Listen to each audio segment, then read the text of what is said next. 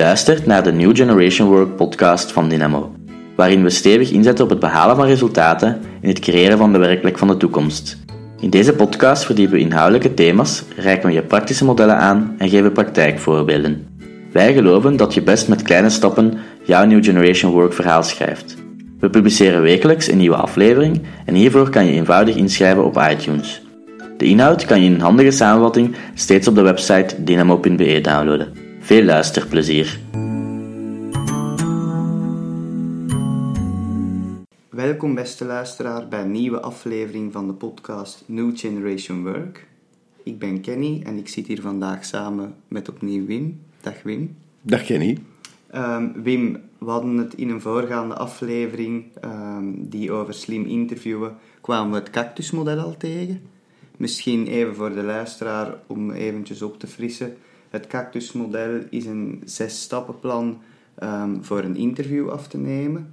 De eerste stap is het cv, dan volgen de attitudes inschatten en de competenties inschatten. Um, vervolgens de test- en feedbacktechniek, dan het uitklaren of er nog vragen zijn bij de kandidaat en tot slot de scoring. Ja. Bij de tweede stap kwamen we dan het... Goed onthouden, ja, dankjewel, dankjewel. en dan bij de tweede stap kwamen we het attitudegericht interview tegen. En daar gaan we vandaag de luisteraar eens een voorbeeld van geven. Ja, dat was het plan. Dat, uh, dat is ook voor veel mensen het meest onbekende.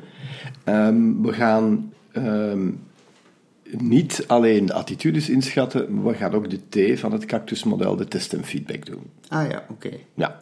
Huh? En de manier om dat te doen, Kenny, lijkt me het meest simpele, is dat ik gewoon jou een attitudegericht interview doe. Je hebt mij daar straks verteld dat je functioneel consultant bent. Ja.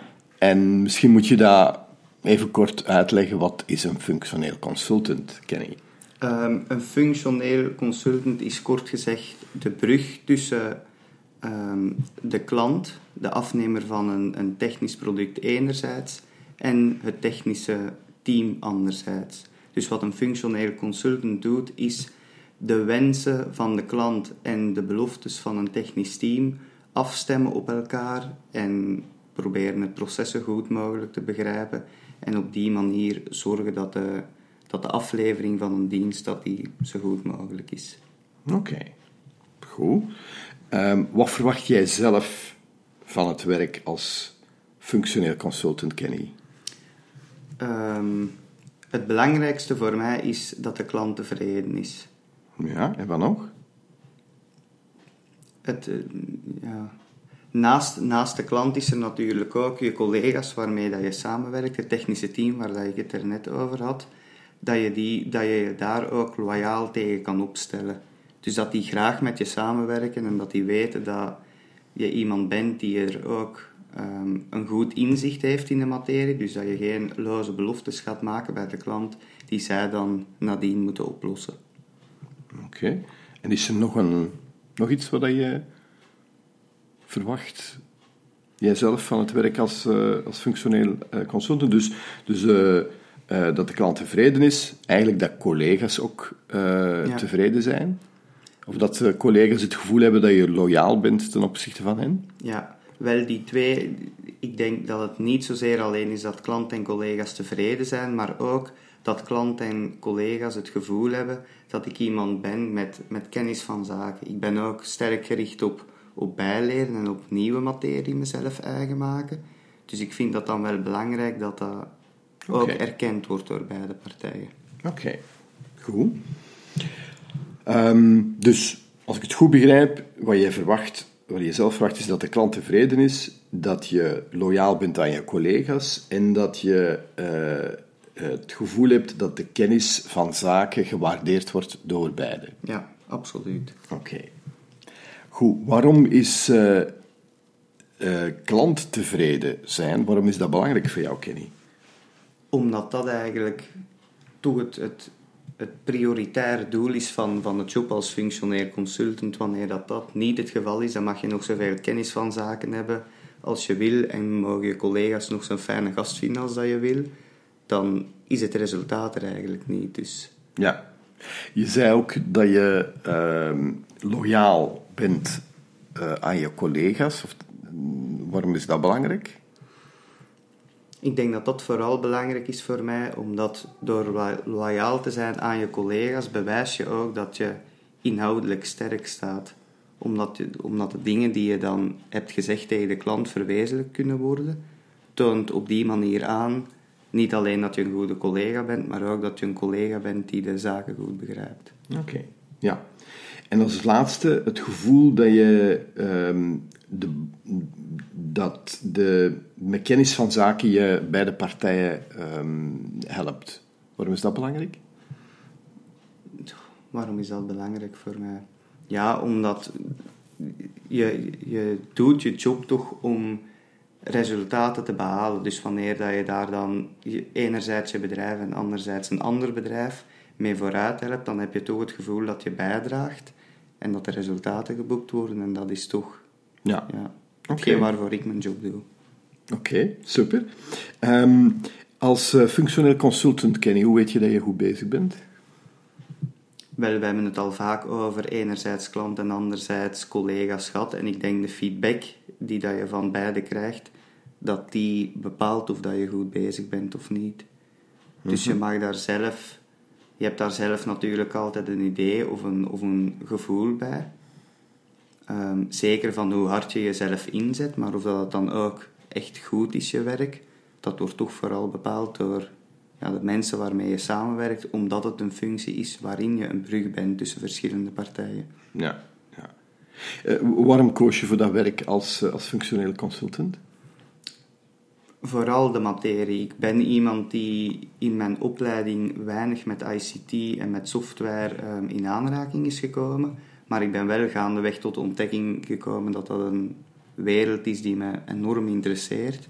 En ik wou daar meer van weten. Dus dat is het belangrijkste voor mij. En dat dat dan in een consultantpositie was, maakt dan wel dat ik...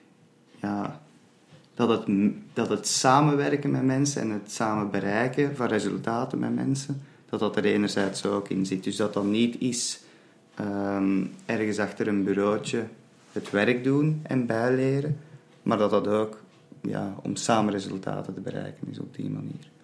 Oké, super. Ehm, wat, wat, is de relatie, Kenny, tussen ehm, jouw uh, taken als functioneel consultant uh, in het begin van jouw job en nu? Um, om eerlijk te zijn, zit daar niet zoveel um, ja, verschil op, laat ik het zo zeggen. Da daar is wel een, een, een, evolutie in te merken, namelijk dat ik nu iets meer um, in aanraking kom met de klant, omdat ik het, ja, de producten die we aanbieden me iets meer eigen heb gemaakt. Maar ja, het is niet zo dat ik al op compleet nieuwe projecten bezig ben of met compleet nieuwe materie bezig ben. Op dat vlak ligt het nog altijd in de lijn van ja, de eerste weken waarmee dat ik bezig ben. Ja, oké. Voor, voor, welke reden wil jij gerespecteerd worden uh, als functioneel consultant? Um, zowel bij de klant als bij mijn collega's, omdat ik iemand ben die enerzijds de materie goed kent en omdat je die materie dan goed kent, ook resultaten behaalt voor, ja, voor die twee dingen eigenlijk. Dus kennis mhm. van zaken maar niet alleen kennis van zaken, maar dat dat er ook toe bijdraagt om. Ja, is er nog een, nog een reden waarvoor dat je gerespecteerd wil worden? Goh ja, dat dat op een fijne manier gebeurt. Dat is misschien iets te fluffy gezegd, zeker in de IT-wereld waarin dat zit. Maar dat, ja, ja. dat ze niet het gevoel hebben dat alleen maar resultaat... Maar dat het ook op een fijne en prettige manier is gebeurd. Oké. Goed, Kenny, ik heb uh, uh, met jou nu het volledige interview uh, doorgaan. Ik ga nu jouw feedback geven over hoe ik uh, jou inschat. En het is aan jou om daar mee eens te zijn of niet eens te zijn. En, en het is niet noodzakelijk wijze dat ik het altijd meteen juist heb. Ja, ja? oké. Goed. Um, Kenny, wat ik um, uh, wat ik vermoed is dat jij uh, in de job van functioneel consultant eigenlijk graag hebt dat er een bepaald project is waar je kan aan werken, waar het heel duidelijk bepaald is welke doelstelling dat daar is en waar je eigenlijk op termijn moet uh, landen met het project. Dat geeft jou de, de duidelijke energie uh, om, ja, om dat project dan eigenlijk ook zo goed mogelijk te hebben. Dat geeft die richting eigenlijk aan. Dat wil niet zeggen dat je geen oog hebt voor de dingen die dat er kunnen mislopen, dat je niet blindelings gaat doen, maar toch is wel die focus op, op uh, waar je naartoe wilt gaan met dat project iets wat jou motiverend uh, uh, lijkt. Ja, absoluut. Ik heb ook al gezegd, resultaten behalen, dat dat heel belangrijk is voor mij. Dus ja. resultaten behalen is toch vaak vooruitgaan en ja. Ja, dus voilà. ja oké. Okay.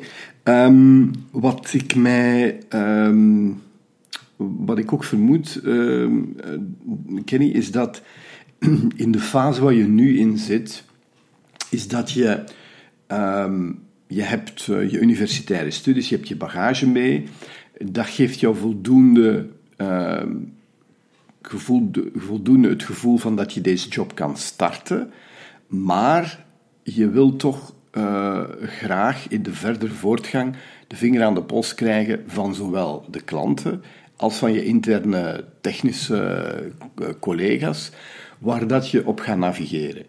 Je gaat niet je lekker voelen als plots in één keer dat zou wijzigen. Men plots zou zeggen van Kenny, uh, je moet bij ons even niet afkomen. Ga je in je hoeken zitten en doe daar maar jouw functioneel nee. consultantwerk. Nee, ja. inderdaad. Ja, oké.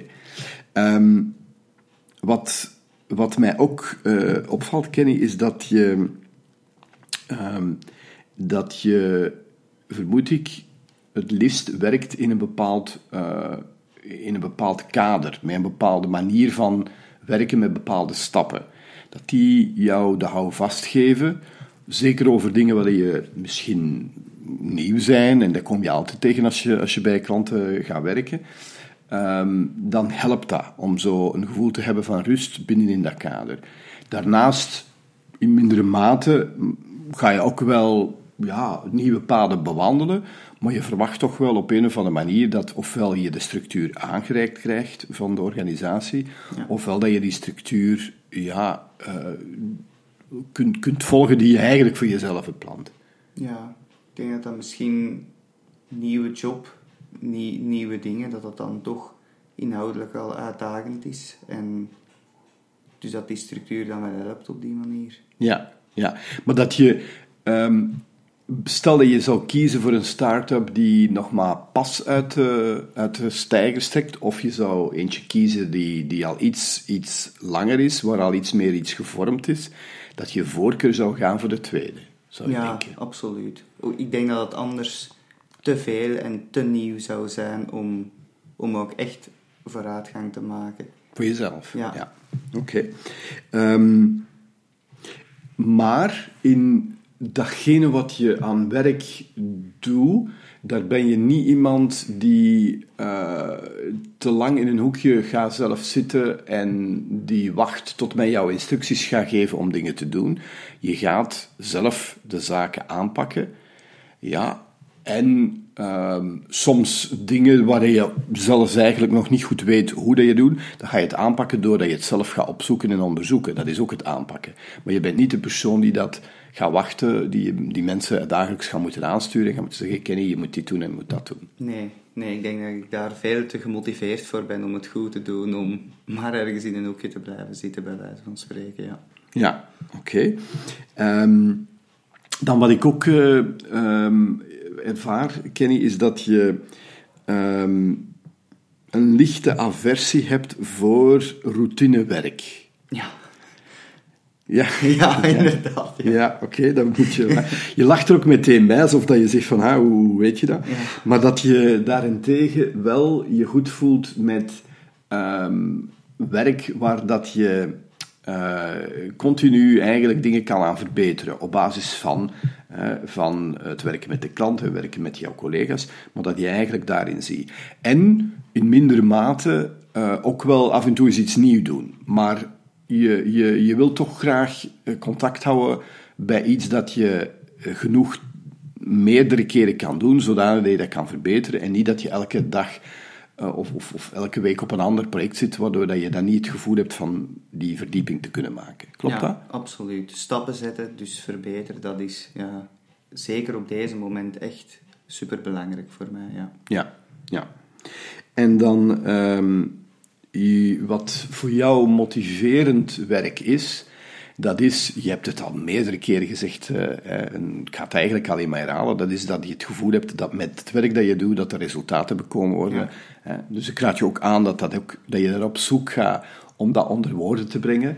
Dat is de, een van de volgende podcasts dat we gaan doen, Kenny, gaat over uh, consulting skills.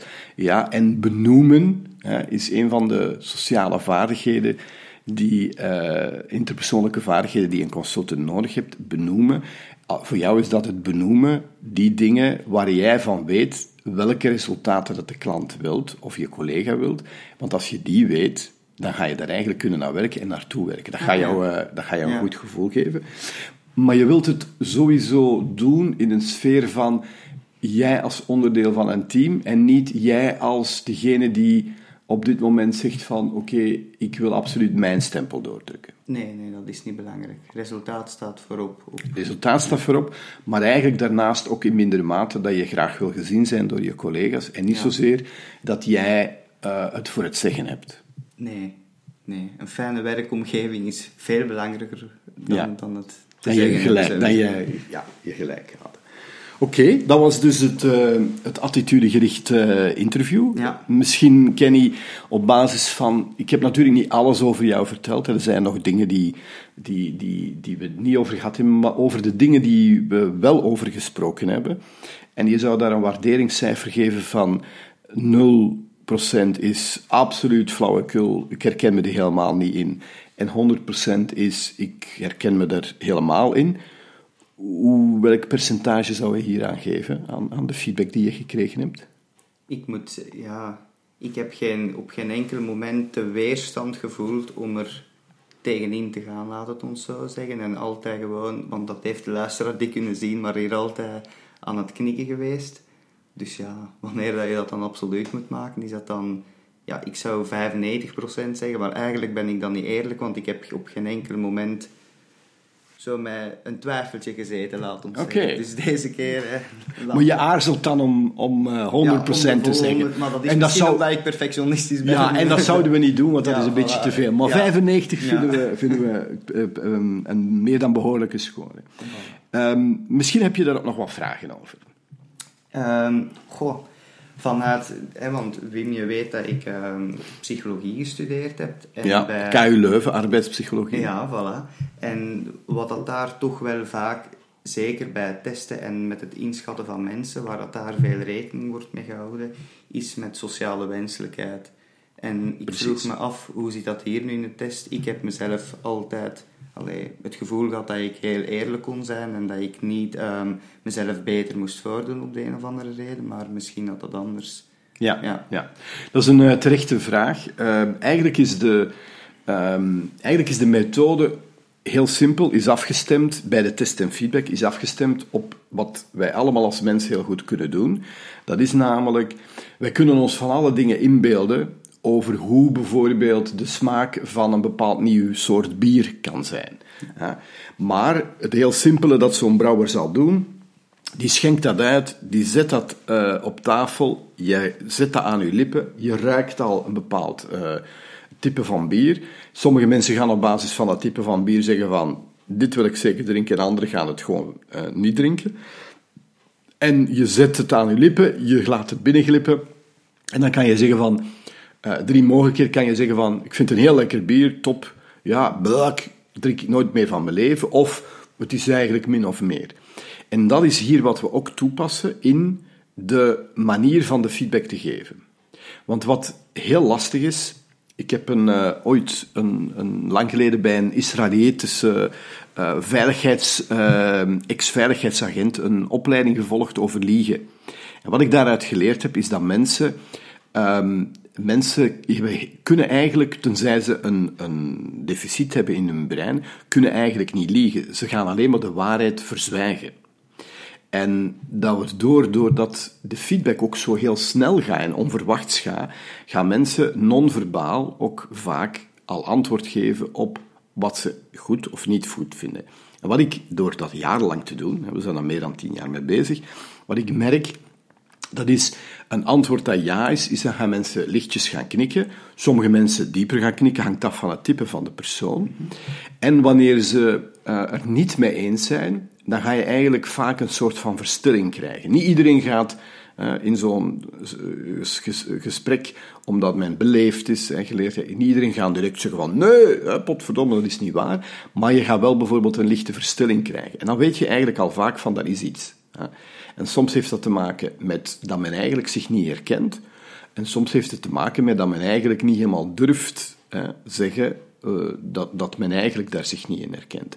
En dan is het de bedoeling, daarom noemt het test en feedback. Dus je gaat ook eigenlijk het testen. Als de feedback eruit komt niet helemaal correct is, dan kan je hertesten. Ah, ja. En op deze manier kan je ook soms, als je twijfelt en je denkt, god, dat is een kandidaat, of dat is iemand die heel sociaal wenselijk aan het antwoorden, dan raad ik ook altijd aan om gewoon eens het tegenovergestelde te testen. En om eens te zien van, ja, hoe is dat nu? Ah, ja. Wil je dat ik dat eens doe? Ja? ja ik neem er eentje... Ik ben die proefkonijn vandaag. Ja, voilà. Ik neem er bijvoorbeeld eentje uit. Um, ik ga bijvoorbeeld dit nemen. Um, stel dat ik eigenlijk zeg, Kenny, um, ik vermoed als jij uh, taken gaat krijgen, je hebt een nieuw project, vermoed ik dat je eigenlijk iemand bent die uh, op basis van de vorige trajecten, die zeer goed weet wat hij eigenlijk uh, wil. En dat je meteen in de materie gaat stappen zonder dat je nood hebt om daar met je collega's over te overleggen. Je weet heel goed, oké, dit is het resultaat dat ik moet behalen. En ik heb daar geen overleg van collega's nodig. Ik voel aan van, oké, zo moeten we dat doen. Ja, dat is Wat gebeurt er nu? Want ik zie, ja. dat zit je luisteren, maar ik zie jou plots zo heel erg. Um, ja, je weet jezelf niet goed, niet goed houding te geven. Dat is het voor alleen. Ja. Bekruipt je een beetje een ongemakkelijk gevoel, want inderdaad, het is echt niet zo meteen van. Nee, Wim, het is niet waar. Dat zou ik misschien ook niet durven, maar om dan te blijven knikken zoals ik daarnet deed, dat, dat lukt dan ook weer niet. Nee, dus. ja. En dat is omdat je gewoon je niet in herkent ja, in datgene wat ik ja. zeg. Ja. Omdat ja. het eigenlijk het tegenovergestelde is van hoe dat ik vind dat ik in elkaar zit. Dus, ja. Dus, dus dat is eigenlijk dat. Oké. Okay. Um, misschien is er uh, nog tijd voor een allerlaatste vraag. Ja, um, ik had nog een vraag over de... Je zegt dat je let op de structuur van de taal bij een antwoord. En ik heb het attitudegericht interview nu al een paar keer meegemaakt. Ik begrijp ook wat dat je daarmee bedoelt, maar misschien voor de luisteraar is het toch nog belangrijk om daar een, een extra woordje uit te Ah ja, oké. Misschien, misschien nemen we wat ik net gedaan heb, misschien leg ik dat even uit. Wanneer je de vraag stelt, ja, als functioneel consultant, hoe weet je dat je goed bezig bent? Waar ik naar luister, is naar uh, op welke manier dat je antwoordt. En eigenlijk luister ik, ik neem in mijn hoofd ik moet eigenlijk luisteren naar de plaats van de beslissing. En de plaats van de beslissing op deze vraag kan eigenlijk maar twee richtingen uit. Ofwel is die plaats van de beslissing extern van jou, buiten jou, ja, dat noemen we extern gerefereerd, ofwel is die intern van jou. En dat is eigenlijk, mag je letterlijk nemen, in jouw lichaam dat je die plaats van de beslissing daar is. En dus in de zinnen die mensen zeggen, moet je daar gewoon telkens naar luisteren en telkens een vinkje zetten bij de juiste keuze. En wanneer je, uh, wanneer je meer dan, uh, meer dan uh, drie vinkjes hebt, dan ga je eigenlijk kijken van waar staan die nu. Ja, heb je bijvoorbeeld vijf streepjes gezet, vijf vinkjes gezet bij, bij intern gerefereerd en twee bij extern gerefereerd, dan gaan we eigenlijk gewoon drie punten verdelen. En dan komen dus eigenlijk in dit geval twee punten bij intern en uh, eentje bij extern. Ja, op deze manier. Dat is eigenlijk de, de, de, de aan. Wim, en wat dat mij ook altijd wel interessant um, lijkt, is hoe ontstaat zoiets eigenlijk? Kan je daar eens wat meer over vertellen? Het attitudegerichte interview. Ja, ja. ja dat inderdaad, dat ontstaat niet zo op een blauwe maandag en nee. plots, hup, is het er. Hè. Uh, goh, um, ik, um, ik, ik, ik verwijs in mijn boek daar, en je kunt beginnen met het ontstaan van het heelal en wanneer het mensen beginnen praten, maar zover willen we niet gaan. Maar dan uh, is eigenlijk 1957, uh, schrijft Chomsky zijn doctoraat over transformational grammar. Um, en eigenlijk heel, heel eenvoudig gesteld was hij op zoek naar als mensen met elkaar een gesprek hebben, hoe komt het dat de ene weggaat en iets anders gehoord heeft dan iemand anders?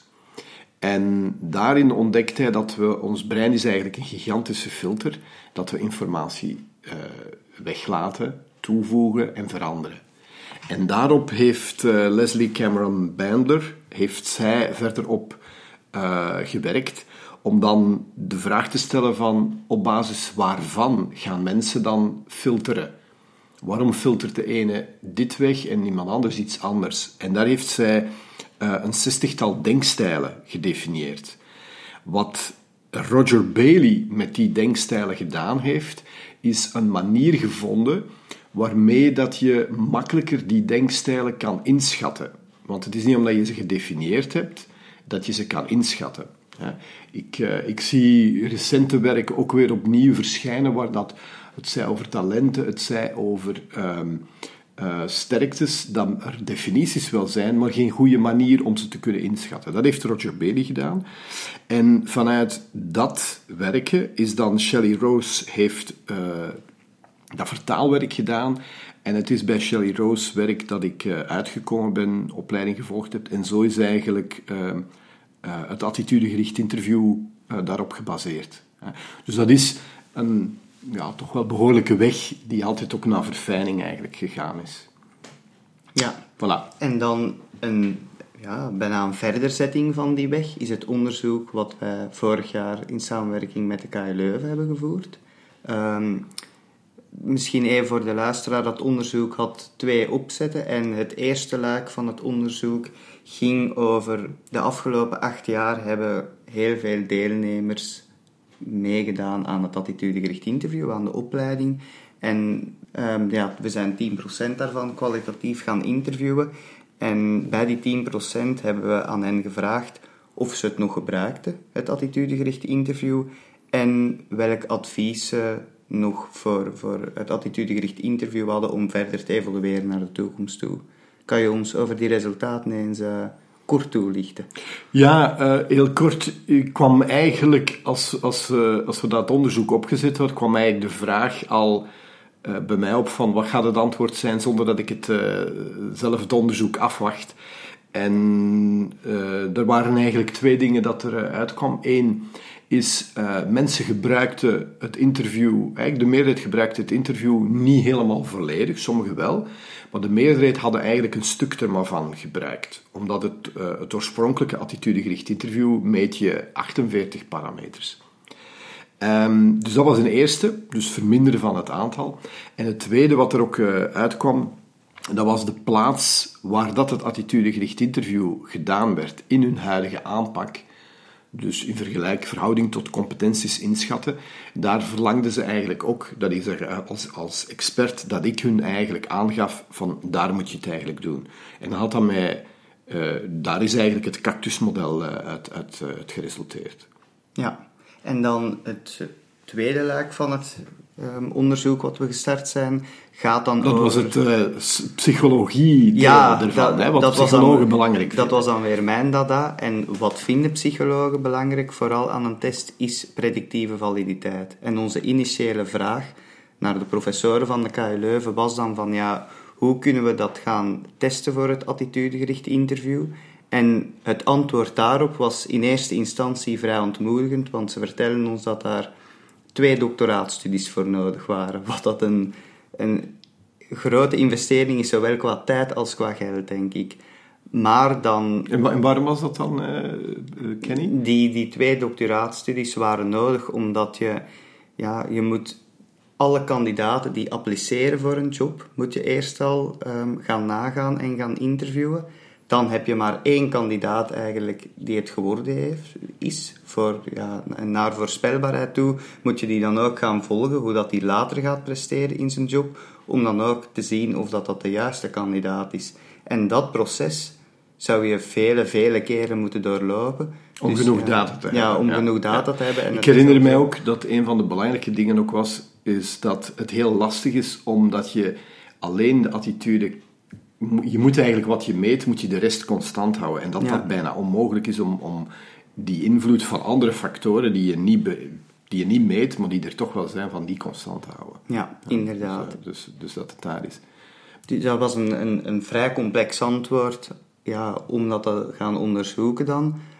Maar eigenlijk is er geen nood, want het misschien op sommige vlakken de tegenvanger van het attitudegericht interview, namelijk het competentiegericht interview, en meer bepaald de STAR-methode die daarvoor ontwikkeld is, die ondertussen al zijn pensioenleeftijd van 65 jaar bereikt. Ja, die is met het Marshallplan. Ja, die... voilà. Um, en die ja, goed ingeburgerd is, die heeft ook die, die weg van die twee doctoraten of zo helemaal niet ondergaan. Die is ook simpelweg gebaseerd op een onderzoek van Wiesner in 88 dat stelt dat de predictieve validiteit van een interview, dus meet je wat je wilt meten en is dat ook voorspellend voor de toekomst, dat die dubbel zo hoog is bij een gestructureerd interview dan bij een ongestructureerd interview. Ja. En zowel STAR als het attitudegericht interview zijn ah, beide gestructureerde interviews en die tappen daar Ik durf zelfs zeggen dat het AGRI zelfs nog meer gestructureerd is omdat je niet alleen uh, een, een,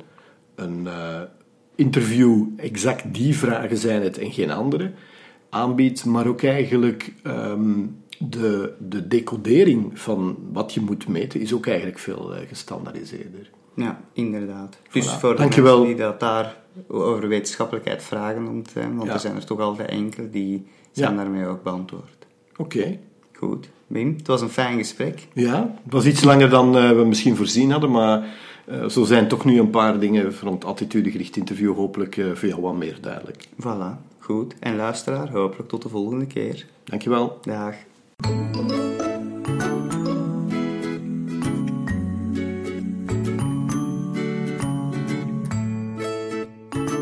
Deze podcast wordt mogelijk gemaakt door Dynamo.be, partner voor training, coaching en organisatieontwikkeling.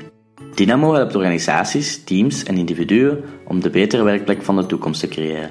Voor meer opties kijk op jobcrafting.info, schoolforrecruitment.be of sliminterviewen.be.